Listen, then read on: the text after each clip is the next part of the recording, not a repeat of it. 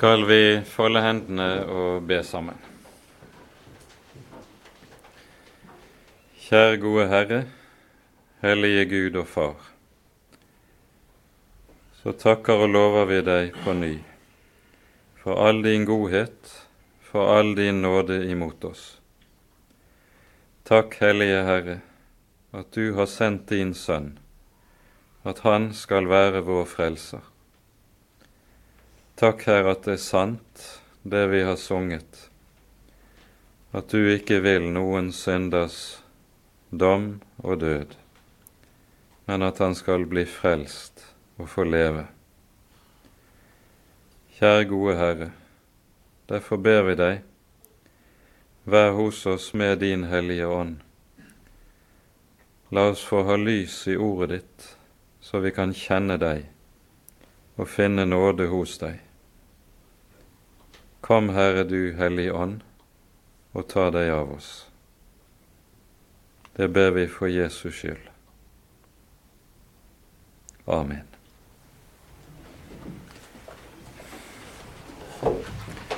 De siste to bibeltimene har vi vært sammen om eh, det sjette og syvende kapitlet i annen Samuels bok kapitler som tar oss med til det som rettelig må betegnes som høydepunktet i Davids liv, i Davids tid som konge.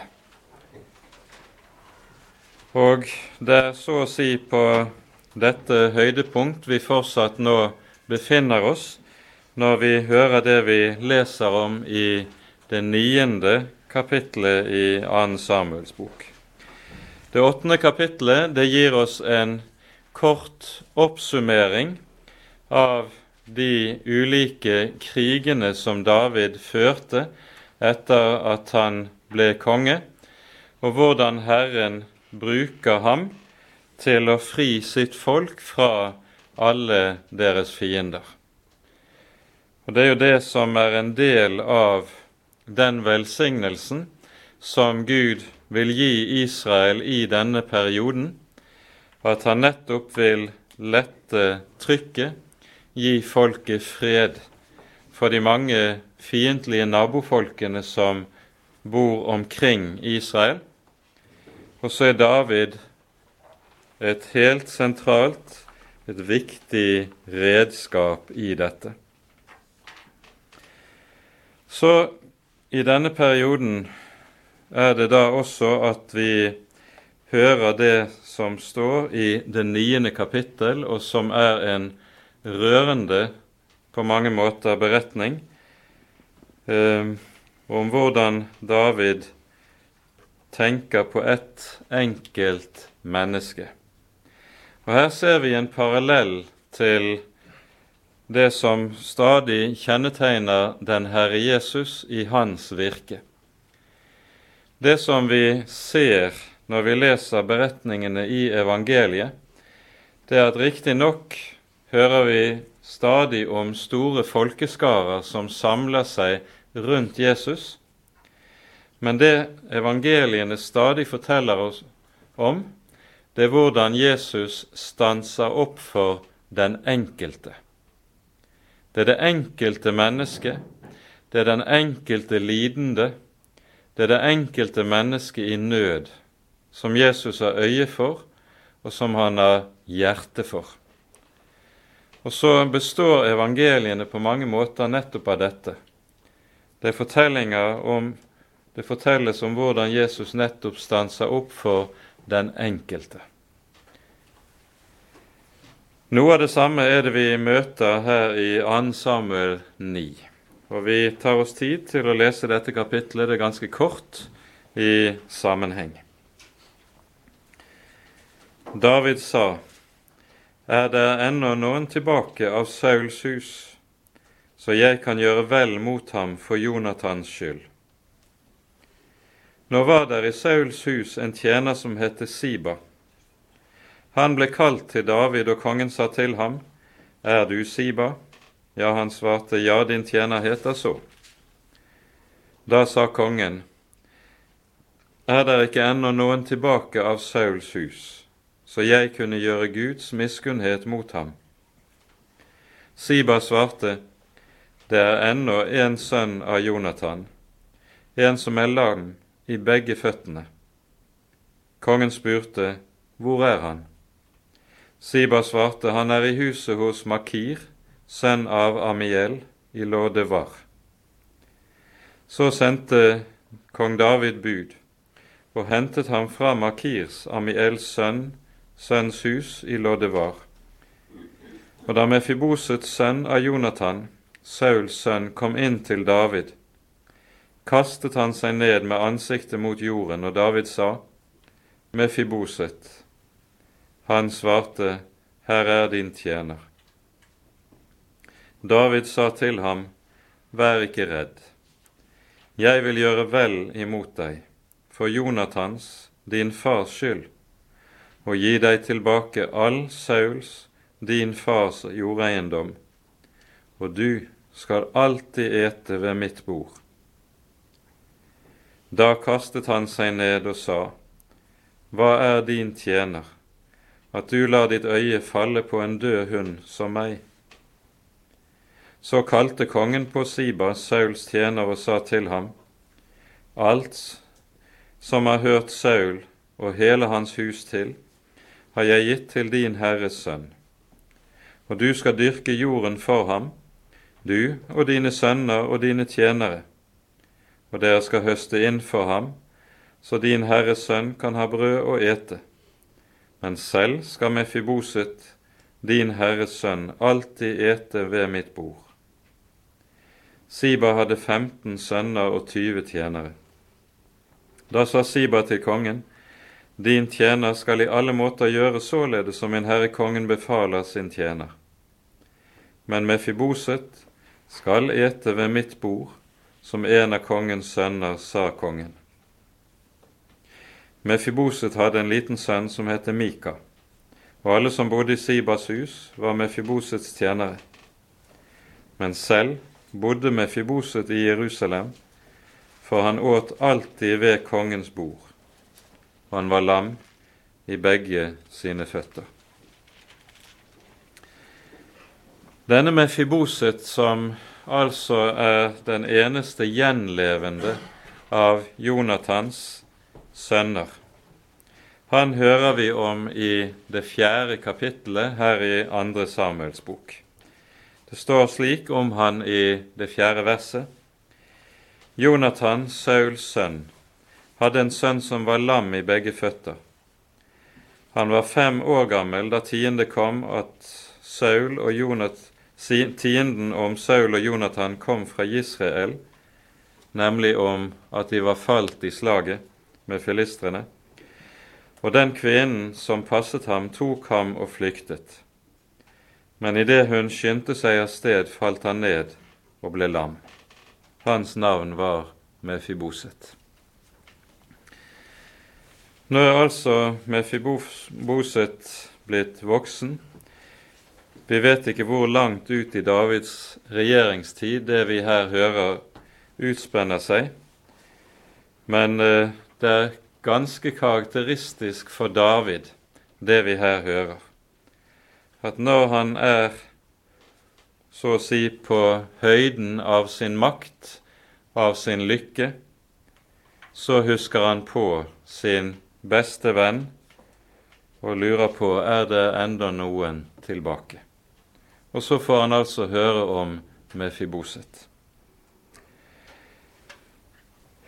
Det vi her hører om Mefiboset, det har stor betydning som forbilde på noe som er helt grunnleggende i Guds rike sammenheng.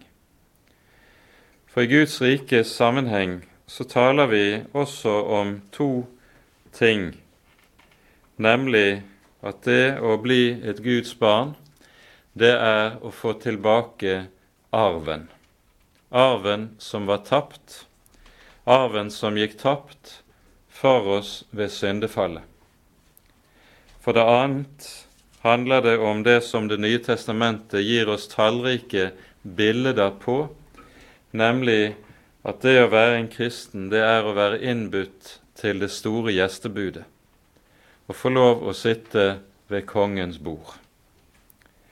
Vi hører i Lukasevangeliets 14. kapittel om nettopp innbydelsen til det store gjestebudet. Kom, for alt er ferdig, lyder det. Og så vil de innbudne ikke komme, og så går tjenerne ut på veiene og innbyr alle de som er uverdige. Og slik er det på mange måter med en Mefiboset. Når han får komme og sitte ved kongens bord, så står han der likesom i den skarpeste kontrast til alle de som normalt sitter ved kongens bord ved hoffet. Det er de rike, det er de mektige, det er overklassen, det er de som alle ser opp til.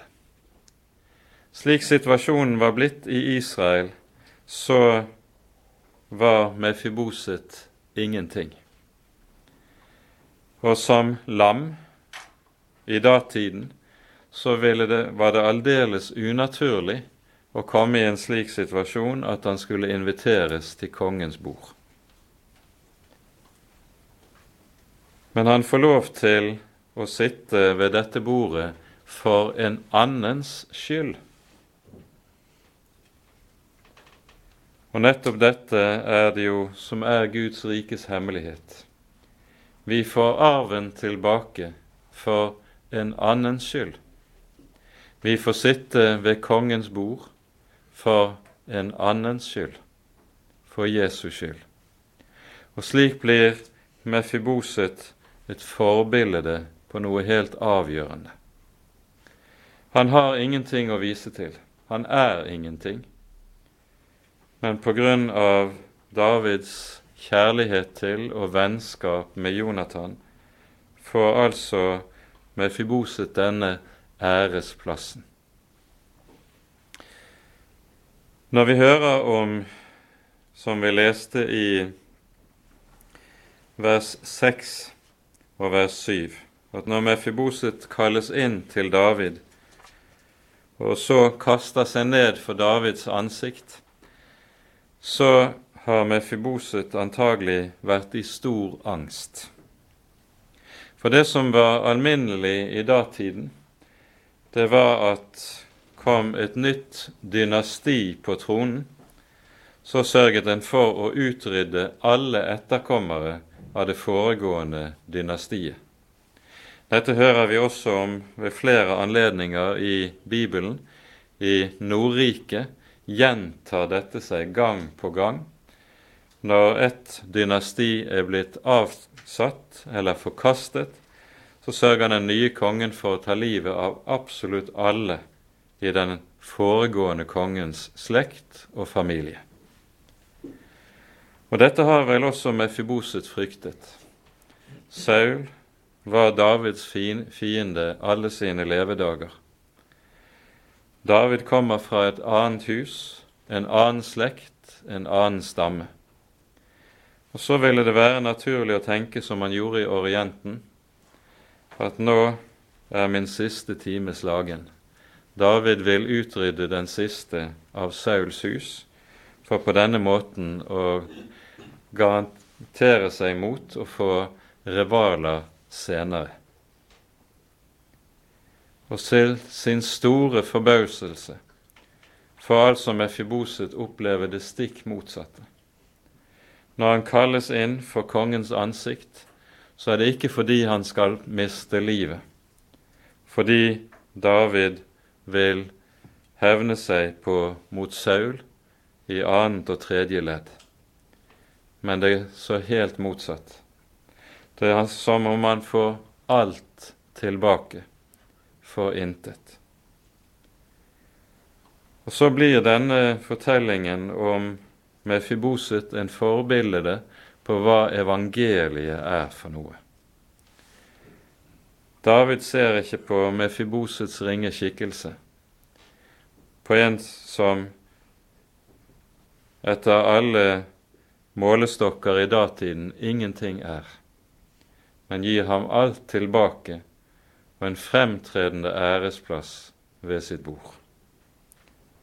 Slik er det Herren også tar seg av deg og meg. For når Han kaller oss frem for sitt ansikt, så har vi all grunn til å frykte, vi som Mesfiboset, at vi skal lide døden for våre synders skyld. Vi har med den levende og den hellige Gud å gjøre. Og så kommer evangeliet altså til Mefiboset som den største overraskelse. Tenk, jeg skal ikke dø, men tvert om leve og få hele arven til gjengjeld tilbake.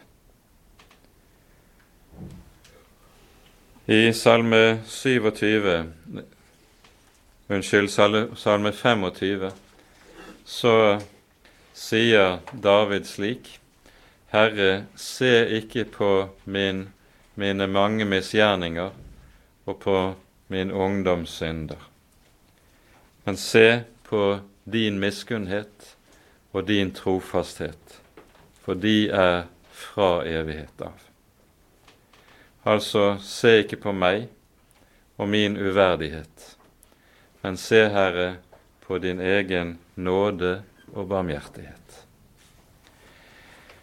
Dette er noe som understrekes for oss også i Femte Mosebok, når det er tale om Israel, Israels folk, som Herren først har fridd fra Egyptens land, og deretter vil føre inn i det lovede land og gi sin arv. Så står det slik i Femte Mosebok 9 fra vers 4. Når Herren din Gud driver alle disse folkeslag ut for deg, må du ikke tenke som så, det er for min rettferdighets skyld. Herren har ført meg inn i dette land og latt meg få det til eiendom. Nei, det er for disse hedningers ugudelighets skyld. Herren driver dem ut for deg, ikke for din rettferdighets skyld eller for ditt oppriktige hjertes skyld, kommer du inn i deres land og tar det i eie. Men det er for deres ugudelighets skyld, og for å holde det ord Herren har svoret dine fedre, Abraham, Isak og Jakob. Så skal du da vite at det ikke er for din rettferdighets skyld Herren din Gud gir deg dette gode land til eie, for du er et hårnakket folk. Altså kom det an på dem selv, så hadde folket overhodet ikke fått noe av disse goder, av disse gaver som Herren ville gi dem. Dersom det var det Herren ville feste blikket på, da fikk de ingenting. Men han har gitt et løfte. Han har elsket dem etter sitt løfte og på grunn av sitt eget løfte og at han holder ord. Derfor gir han det. På samme måte er det med Mefiboset. På samme måte er det med alle Guds barn overhodet. Ikke for vår rettferdighets skyld, ikke for vårt oppriktige hjertes skyld, for det har vi ikke. Men det er på grunn av sin store kjærlighet og fordi han vil holde sitt løfte derfor. Dette skal vi ta med oss inn i det neste avsnittet som vi nå skal ta for oss, nemlig det ellevte og tolvte kapittelet i Ann Samuels bok, der vi hører om Davids store fall. Det er underlig å legge merke til i Bibelen at det ser ut som at når Bibelens hellige, når Bibelens mest fremtredende personligheter har opplevd de største og rikeste ting, de største og rikeste velsignelser, at Herren har ført dem dit hvor de er kommet, så ser det ut som at nettopp som når de er på det høyeste, da er det de også faller, og faller som dypest. Det gjelder en Moses, det gjelder en Elias, og vi hører det om en rekke andre av Bibelens hellige. Tenk på Peter, hvordan han kan falle. De er rikt benådet av Herren. De har Herren å takke for at de er ført dit hvor de er kommet. Og nettopp mens de er ført dit hvor de er, så faller de.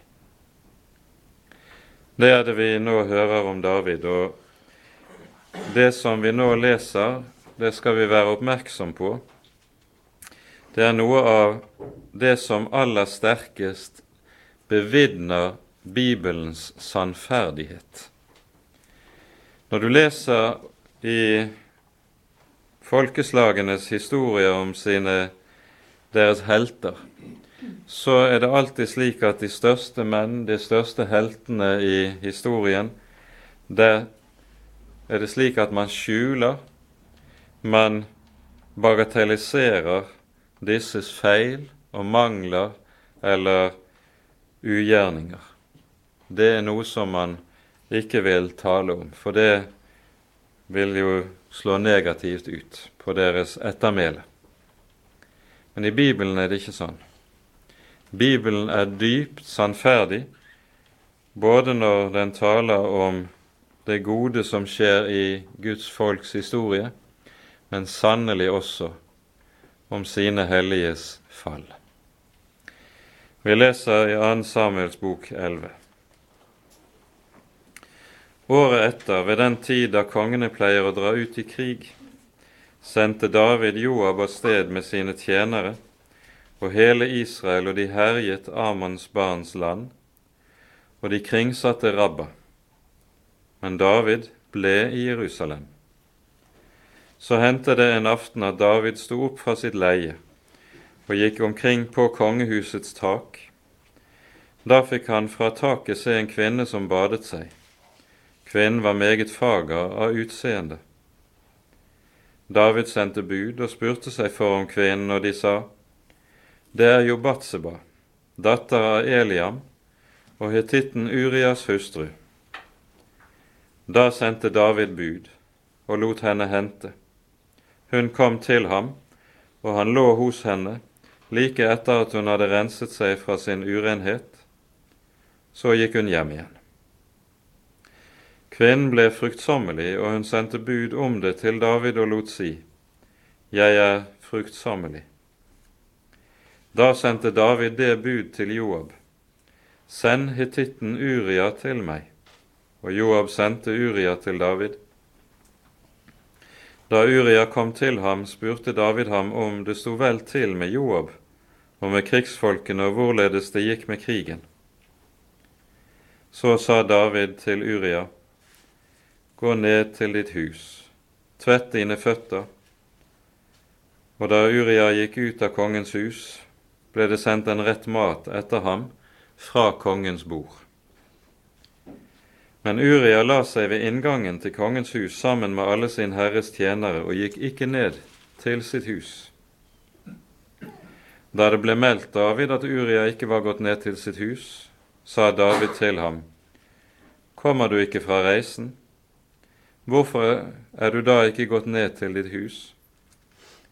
Da svarte Uria, Arken og Israel og Juda bor i løvhytter, og min herre Joab og min herres tjenere ligger i leir på åpen, åpen mark, og jeg skulle gå inn i mitt hus og ete og drikke og ligge hos min hustru. Så sant du lever, så sant din sjel lever, det gjør jeg ikke. Da sa David til Uria, bli her også i dag så vil jeg i morgen la deg fare, og Uria ble i Jerusalem den dagen og dagen etter. Og David ba ham til seg, og han åt og drakk hos ham, og han drakk han drukken. Og om aftenen gikk han ut og la seg på sitt leie sammen med sin herres tjenere. Men til sitt hus gikk han ikke ned. Morgenen etter skrev David et brev til Joab og sendte det med Uria og i brevet skrev han således:" Sett Uria lengst frem, der hvor striden er hårest, og dra dere tilbake fra ham, så han blir slått og dør.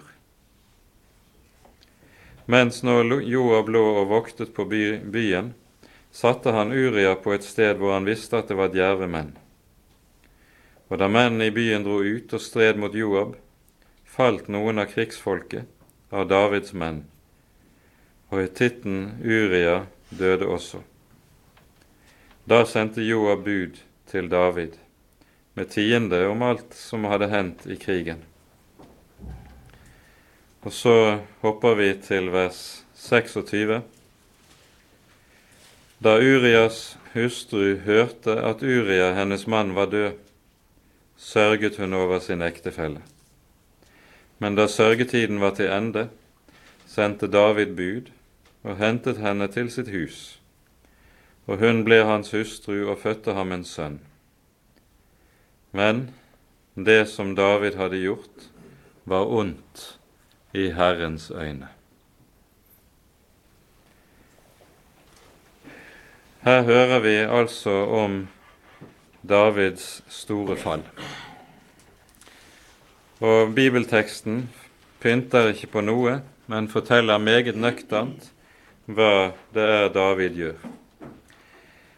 Davids palass lå i den øvre bydelen av Jerusalem på en sånn måte hvis man har vært der i Jerusalem, så kan man meget godt se det for seg at en så nedover i byen og dermed hadde overblikk over husene som lå nedenunder. Og I gårdsrommet på et av husene er det altså at Batseba antagelig da har badet, og David har fått øye på henne. Og så er det dobbelt synd som David gjør. Først at han tar en annen manns hustru. En synd som i Bibelen eh, er belagt med dødsstraff.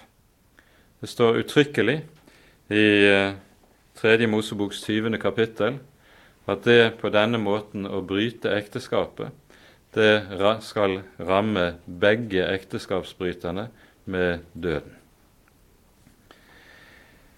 For å skjule hva han har gjort, så hører vi etterpå at David prøver å få Urias hjem fra slagmarken og hjem til sitt eget hus, sånn at det kan se ut som om det er hans eget barn som fødes når tiden er der.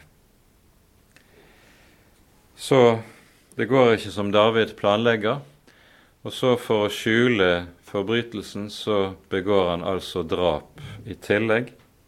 Sørger for å få ryddet Urias av veien. Og så kan han innlemme Batseba i sitt harem, og der i haremets skjul kan barnet som skal fødes, komme til verden i det stille. Og slik håper David å kunne skjule hva han har gjort. Her ser vi noe som er veldig karakteristisk for når det gjelder grov synd.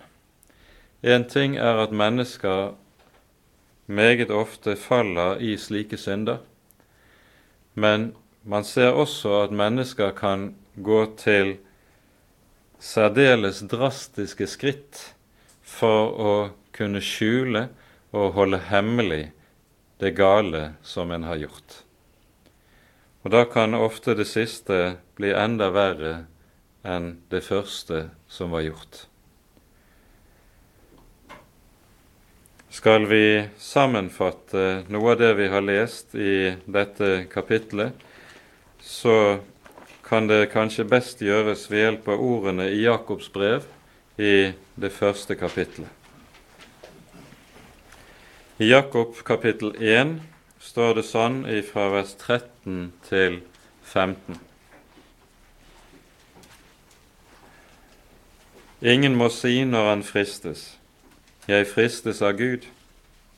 For Gud ikke, fristes ikke av det onde, og selv frister han ikke noen. Men hver fristes i det han drages og lokkes av sin egen lyst. Deretter, når lysten har unnfanget, føder den synd, og når synden er blitt fullmoden, føder den død. Dette er på en måte det vi kan kalle for syndens psykologi, enkelt og drastisk malt for oss. Når lysten har unnfanget, føder den synd, og så følger døden i fotsporene på det. David er den som her anklages, men det er nok sånn at her har de vært to om saken. Når Batseba har badet ute i åpent rom, så kan det godt hende at det har vært med en stille baktanke om, eller et håp om, nettopp å bli sett. Det vet vi ikke, men det er ikke usannsynlig å anta det. De er to om dette.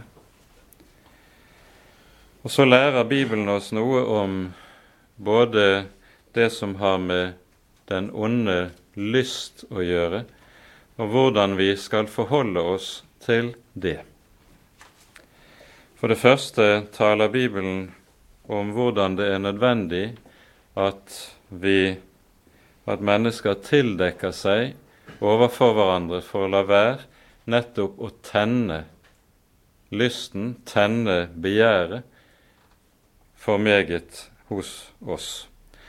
Dette er, tror jeg, noe som er nødvendig å minne om i våre dager, hvor vi lever i en kultur hvor nakenhet og seksualitet er blitt så dominerende i det offentlige rom. Her skal kristne opptre og tenke annerledes. Og det gjelder da både klesdrakt og kanskje ikke minst skal vi minne om hvordan man kler seg på badestranden. Der er det ofte slik i dag at det er så minimale badedrakter som brukes av en del kvinner, også unge kristne kvinner, at det ikke er rett. Så jeg vil bare peke på det i denne sammenheng. Tildekking hører med som en viktig side ved det at man skal oppføre seg sånn som Bibelen taler om, med anstendighet, med kyskhet. Det er ord som er gått ut av språkbruken i dag, typisk for hele vår kultursituasjon, men jeg tror det er viktig å peke på det. Kristne skal oppføre seg annerledes på dette området enn det som er blitt vanlig i samfunnet vårt i dag for at vi nettopp ikke skal bidra til dette at det tennes begjær og lyster som kanskje ellers kunne vært unngått, var satt i brann. Vel, noe av dette ligger bak altså hos David, som lar øynene hvile på en kvinne, og så i stedet for å vende seg bort, så lar han øynene bli der og så minnes vi med det om faren ved nettopp å la øynene dvele ved det som vekker fristelse og begjær. Og Det er også grunn til å peke på faren ved det i dag, hvor det som er urent, er noe som man konfronteres med i alle mulige medier. Enten vi taler om TV-mediet, eller vi ikke minst kan tale om Internett, hvor sånt som har med pornografi å gjøre, er så lett tilgjengelig at det er blitt noe av en snublesten og en fare også for veldig mange unge kristne. Her er det nødvendig å ta seg i vare, og jeg tror det er viktig å minne om det også i denne sammenhengen. Vel, det fører altså til fall for David, sånn som vi hører det. Og det er synd som er dypt alvorlig, og David vet utmerket godt hva det er han har gjort. Men han får seg ikke til å vende om fra sin synd. Han får seg ikke til det. Og det går et helt år før vi leser det som så følger i det tolvte kapittelet. Det ellevte kapittelet sluttet altså med setningen Det som David hadde gjort, var ondt i Herrens øyne. Og så leser vi videre fra kapittel 12. Herren sendte Natan til David, og da han kom inn til ham, sa han til ham, det var to menn i en by, en rik og en fattig. Den rike hadde småfe og storfe i mengdevis, men den fattige hadde ikke annet enn et eneste lite lam, som han hadde kjøpt og født opp. Det vokste opp hos ham sammen med hans barn. Det åt av hans brød og drakk av hans beger og lå i hans fang, og det var en, som en datter for ham. Så kom der en veifarende mann til den rike, men han nennet ikke å ta noe av sitt storfe eller småfe og lage til for den reisende som var kommet til ham, men tok den fattige manns lam og laget det til for den mannen som var kommet til ham. Da opptentes Davids vrede høylig mot den mannen og sa til ham, og han sa til Natan, så sant Herren lever, den mann som har gjort dette, er dødsens, og lammet skal han betale firedobbelt fordi han gjorde dette og ikke viste barmhjertighet. Da sa Natan til David, Du er mannen. Så sier Herren Israels Gud, Jeg salvet deg til konge over Israel, og jeg fridde deg ut av Sauls hånd. Og jeg ga deg din herres og jeg ga deg din herres hus og din herres hustruer i din favn. Og jeg ga deg Israels og Judas hus, og var det for lite, så ville jeg ha gitt deg enda mer, både det ene og det annet. Hvorfor har du foraktet Herrens ord og gjort det som er ondt i hans øyne? Hetitten Uria har du slått med sverdet. Hans hustru har du tatt til hustru for deg selv, og ham har du drept med Ammons barns sverd. Så skal nå sverdet aldri vike fra ditt hus, fordi du har foraktet meg og tatt hetitten Urias hustru til hustru for deg selv. Så sier Herren, se, jeg lar ulykke komme over deg fra ditt eget hus. Jeg vil ta dine hustruer for dine øyne og gi dem til en annen mann, og han skal ligge hos dine hustruer så solen er vitne til det. For det du gjorde, gjorde du i lønndom, men jeg vil gjøre dette for hele Israels øyne, midt på lyse dagen. Da sa David til Natan, Jeg har syndet mot Herren. Og Natan sa til David, Så har også Herren borttatt din synd.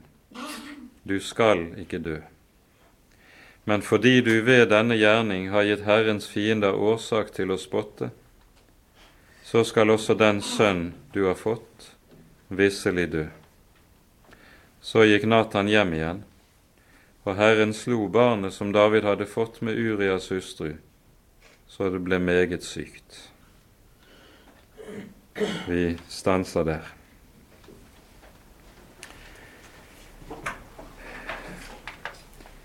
Vi har i hvert fall tre, muligens fem salmer i Salmenes bok fra Davids munn som refererer til det som vi nå har lest til Davids synd og til Herrens oppreisning og tilgivelse av ham. De tre viktigste av disse salmene de hører med til blant de syv botsalmene. De tre viktigste er salme 51, som jo innledes uttrykkelig med at det sies at dette er den bønn David ba etter at Natan hadde kommet til ham og altså talt til ham om hans synd. Dernest salme 130 av Det dype kaller jeg på deg, Herre. Vi begynner denne salmen. Og så salme 32. Og vi skal se litt på to av disse, Salme 32 og 51. Men vi merker oss her det har altså gått et helt år siden David har begått hor, begått drap, og han har enda ikke vendt om. Og så er det Herren som må ta initiativet og bringe til omvendelse. Og dette skal vi merke oss. Det er noe av det som er Guds usigelige nåde i møte med et menneske.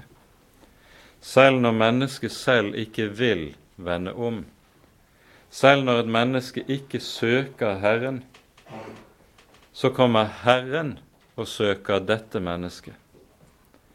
Det vitner meget sterkt om det som er Guds hjertelag, og som er formulert meget fyndig i Esekiels bok i det 18. kapitlet. Her står det slik, Esekiel 18, vers 23. Skulle jeg ha behag i den ugudeliges død, sier Herren Israels Gud. Mann ikke heller i at han vender om fra sin vei, så han får leve. Det er det Gud har behag i. Han har ikke behag i den ugudeliges død. Og derfor søker han synderen, også når synderen ikke søker ham. Det er det første vi skal merke oss. Slik var det jo allerede på syndefallets dag.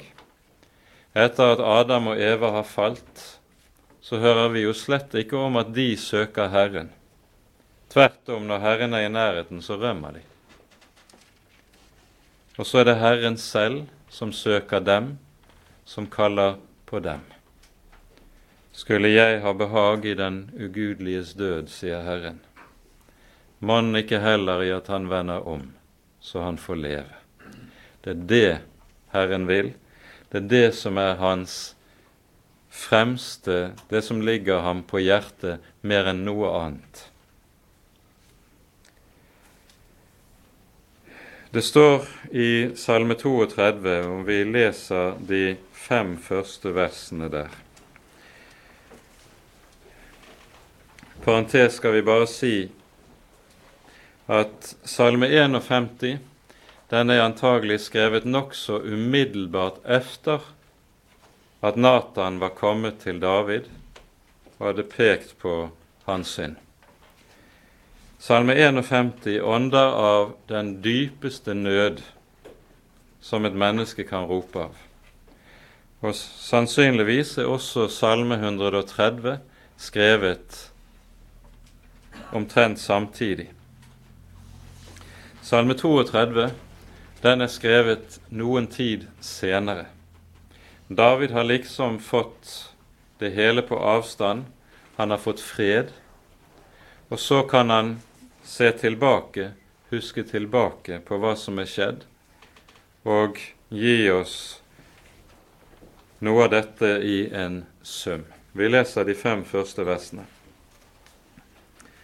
Salig er den hvis overtredelse er forlatt hvis synd er skjult. Salig er det menneske som Herren ikke tilregner misgjerning, og i viss ånd det ikke er svik. Da jeg tidde, ble mine ben bortterret, idet jeg stønnet hele dagen. For dag og natt lå din hånd tungt på meg, min livssaft svant som ved sommerens tørke, Sela. Jeg bekjente min synd for deg og skjulte ikke min skyld. Jeg sa, Jeg vil bekjenne mine misgjerninger for Herren, og du tok bort min syndeskyld. Her beskriver altså David hvem det er som er salig, hva det er som gjør et menneske salig. David hadde vært før fallet med, med Batseba, så hadde han vært på høydepunktet av sitt liv, nådd så langt som noe menneske kan nå. Det var høyden av lykke. Han hadde seiret over alle sine fiender i krig.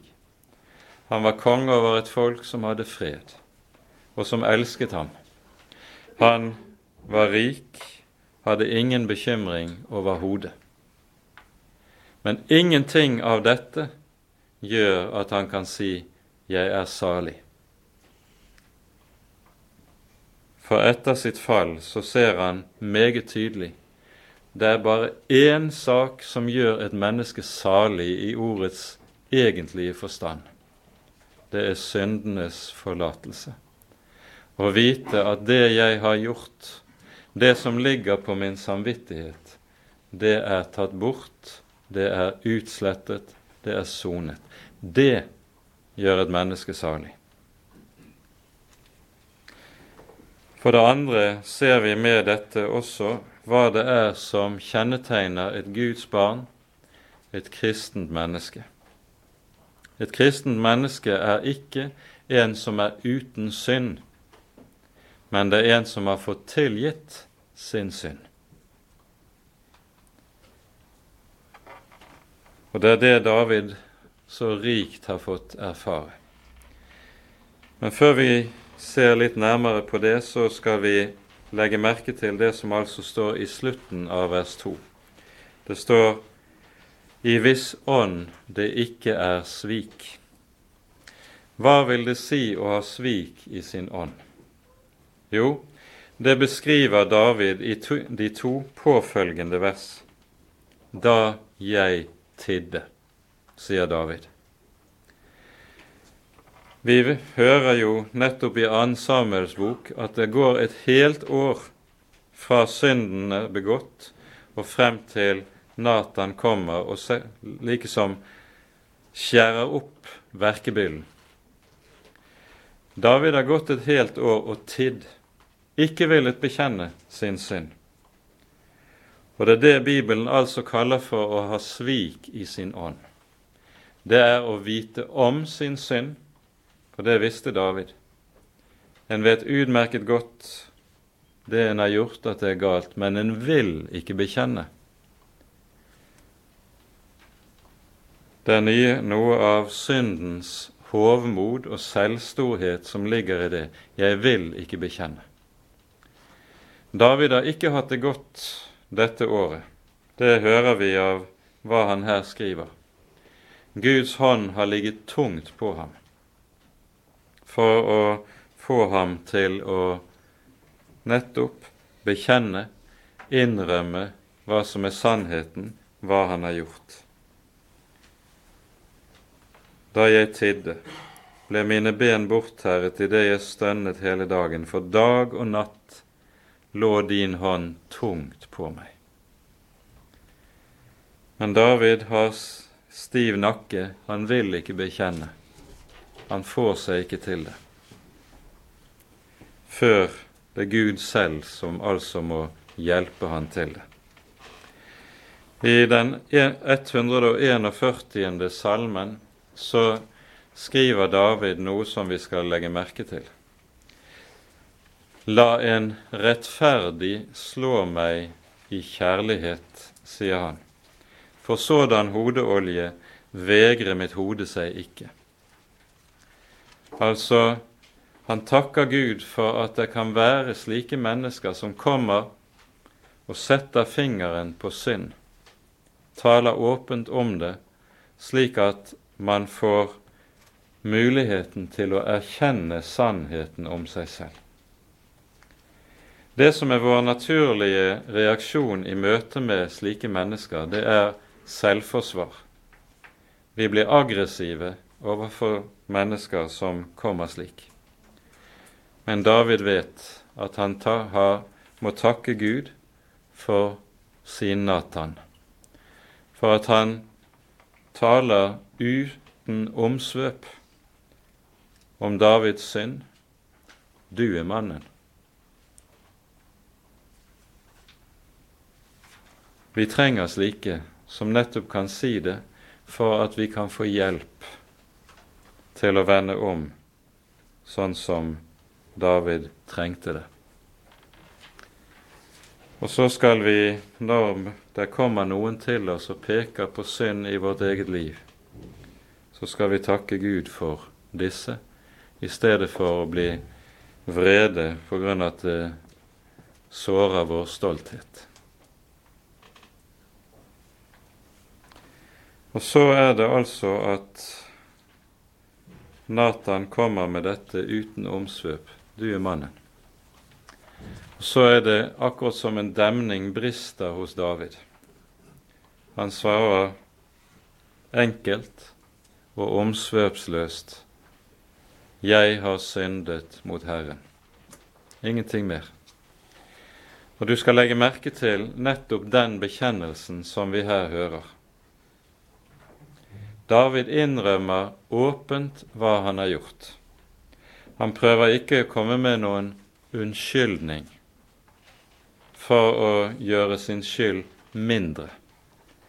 Han prøver ikke å komme med utflukter eller bortforklaringer, sånn som det ligger oss så nær å gjøre for at skylden likesom skal bli mindre.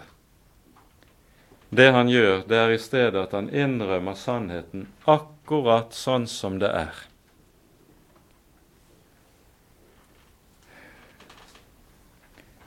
Marie Monsen forteller fra vekkelsen i Kina, som var en vekkelse som nettopp var preget av dette at det var syndserkjennelse som ble skapt og førte til omvendelse. Og Hun forteller om hvordan kineserne, når vekkelsen bryter løs, så bekjenner de sine synder åpent, akkurat som en fiskehandler legger fisken sin på en disk. Slik la de alt sammen frem åpent for Herren, og også for hverandre, og det var til stor hjelp. For det å bekjenne synd, det er nettopp å innrømme sannheten om hva en har gjort, innrømme det ansikt til ansikt med den levende Gud. Du har rett i din anklage, Gud. Det du har gjort, er ondt i mine øyne, sier Herren om David. Og David bøyer seg for det.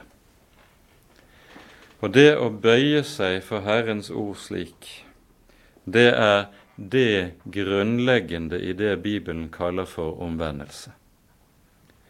Omvendelse er ikke selvforbedring, men det er først og fremst det å bøye seg og innrømme sannheten om seg selv, sannheten om hvem jeg er, og hva jeg har gjort, og ikke prøve å flykte unna.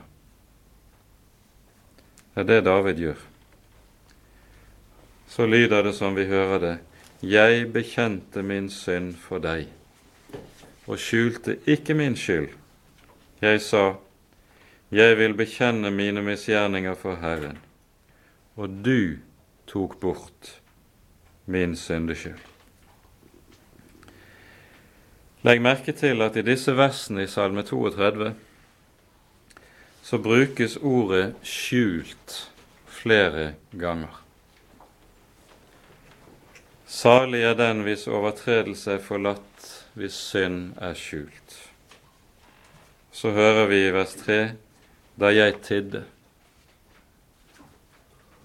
Altså, det var en tid David prøvde å skjule sin synd.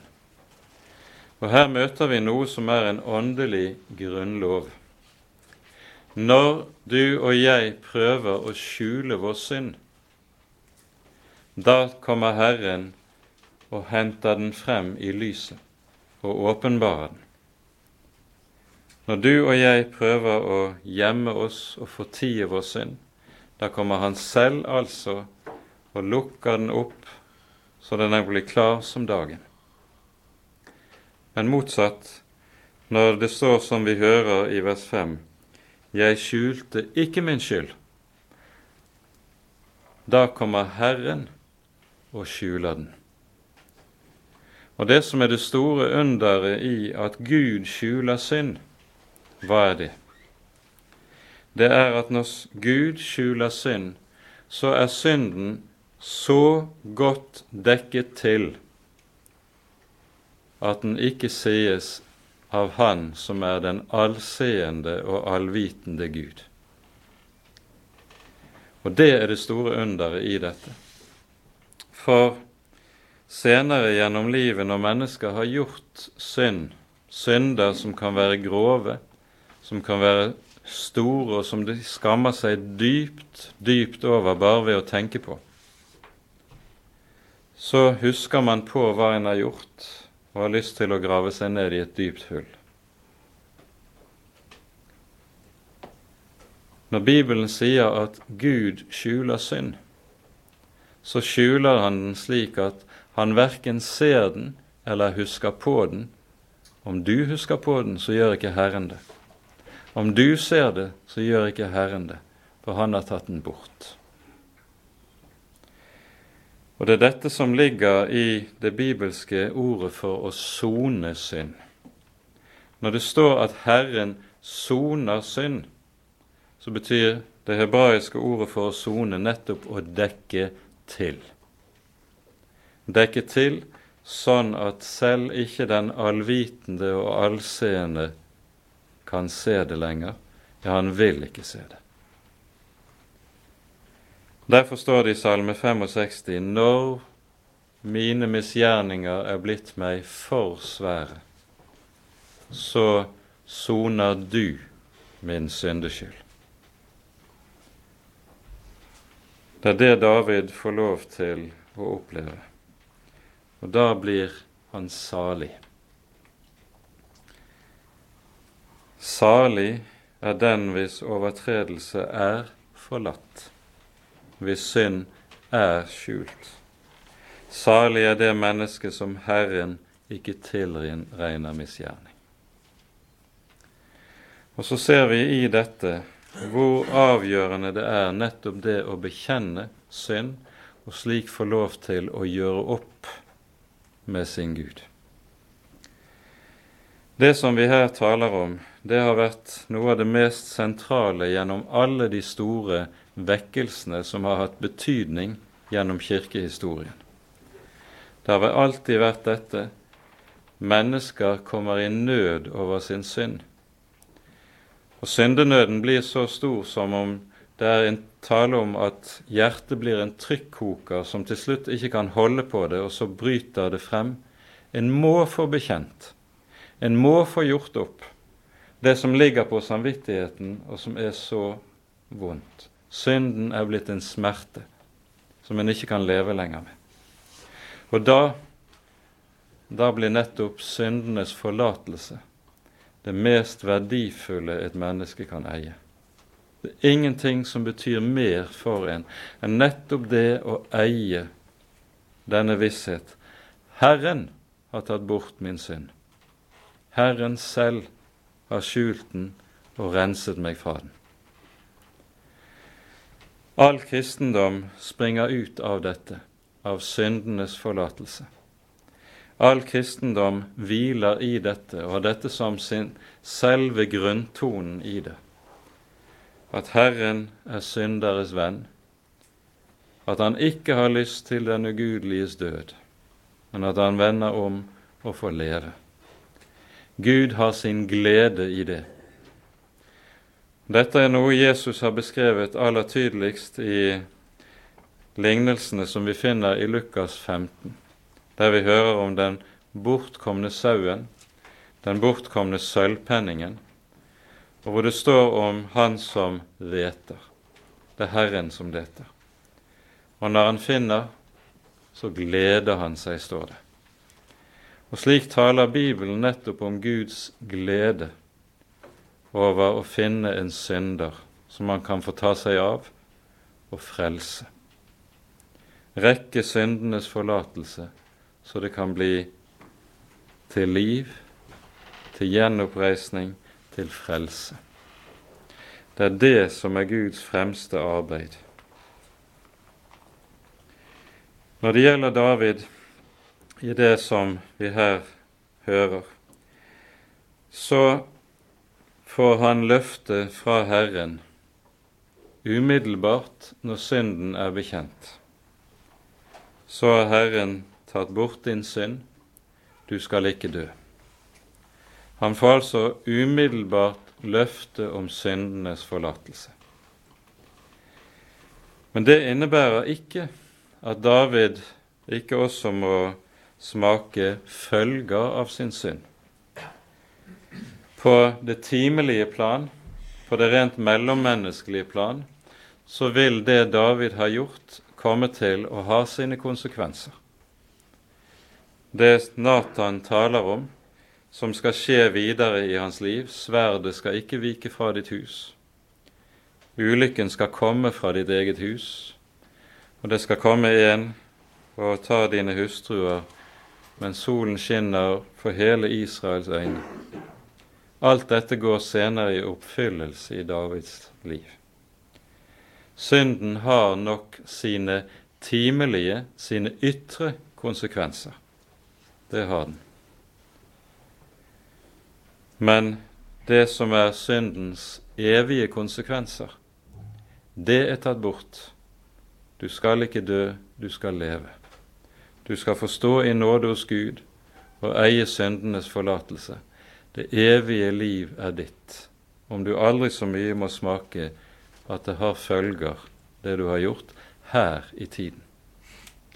For Davids vedkommende blir disse følger som han må smake av sin synd, noe som blir en stadig tukt for ham senere i livet, og som gjør som dermed også blir en stadig ydmykelse for ham senere i livet, og som gjør at David også på en ny måte tror vi har lov til å si er seg bevisst at han trenger nåde hver dag. Han trenger nåde hver dag for i det hele tatt å kunne leve og være Herrens barn. Og det er slik dette også virker i Davids liv. Kapittelet slutter med at vi hører om hvordan barnet som Batseba har født, dør i sykdom, men senere føder Batseba en ny sønn, og vi leser fra vers 24. David trøstet Batseba sin hustru. Og han gikk inn til henne, lå hos henne, og hun fødte en sønn, som han kalte Salomo. Og Herren elsket ham. Og han sendte bud med profeten Natan, og han kalte ham Jedidja, for Herrens skyld. Salomo kalles, får altså sitt navn av David. Salomo henger sammen med den hebraiske ordstammen shalom, som betyr fred. Og David vil med å navngi denne sin sønn slik vitne om at når han nå har fått syndenes forlatelse, så har han også fått fred. For det er ingenting som kan gi hjertet fred slik som nettopp syndenes forlatelse. Derfor skriver Paulus i Romerbrevets femte kapittel da vi nå er rettferdiggjort av troen, har vi fred med Gud ved vår Herre Jesus Kristus. Freden er en følge av rettferdiggjørelsen. Freden er en følge av syndenes forlatelse. Og så vitner David om dette. David gir altså navnet Salomo til denne sønn. Herren gir ham et tilnavn, Jedidja, som betyr Herrens elskede. Og så vil Herren også med det si noe til David. Når Herren har tatt bort Davids synd, så er det ikke med motvilje, men det er fordi David midt opp i sin synd, selv i sitt dypeste fall, så er han elsket. For så har Gud elsket verden, at han ga sin sønn, den enbårne, for at hver den som tror på ham, ikke skal fortapes, men ha evig liv. Det er Bibelens budskap, det. at den levende og hellige Gud har elsket syndere, elsket dem til frelse. Ære være Faderen og Sønnen og Den hellige ånd, som var og er og være skal, en sann Gud, høylovet i evighet. Amen.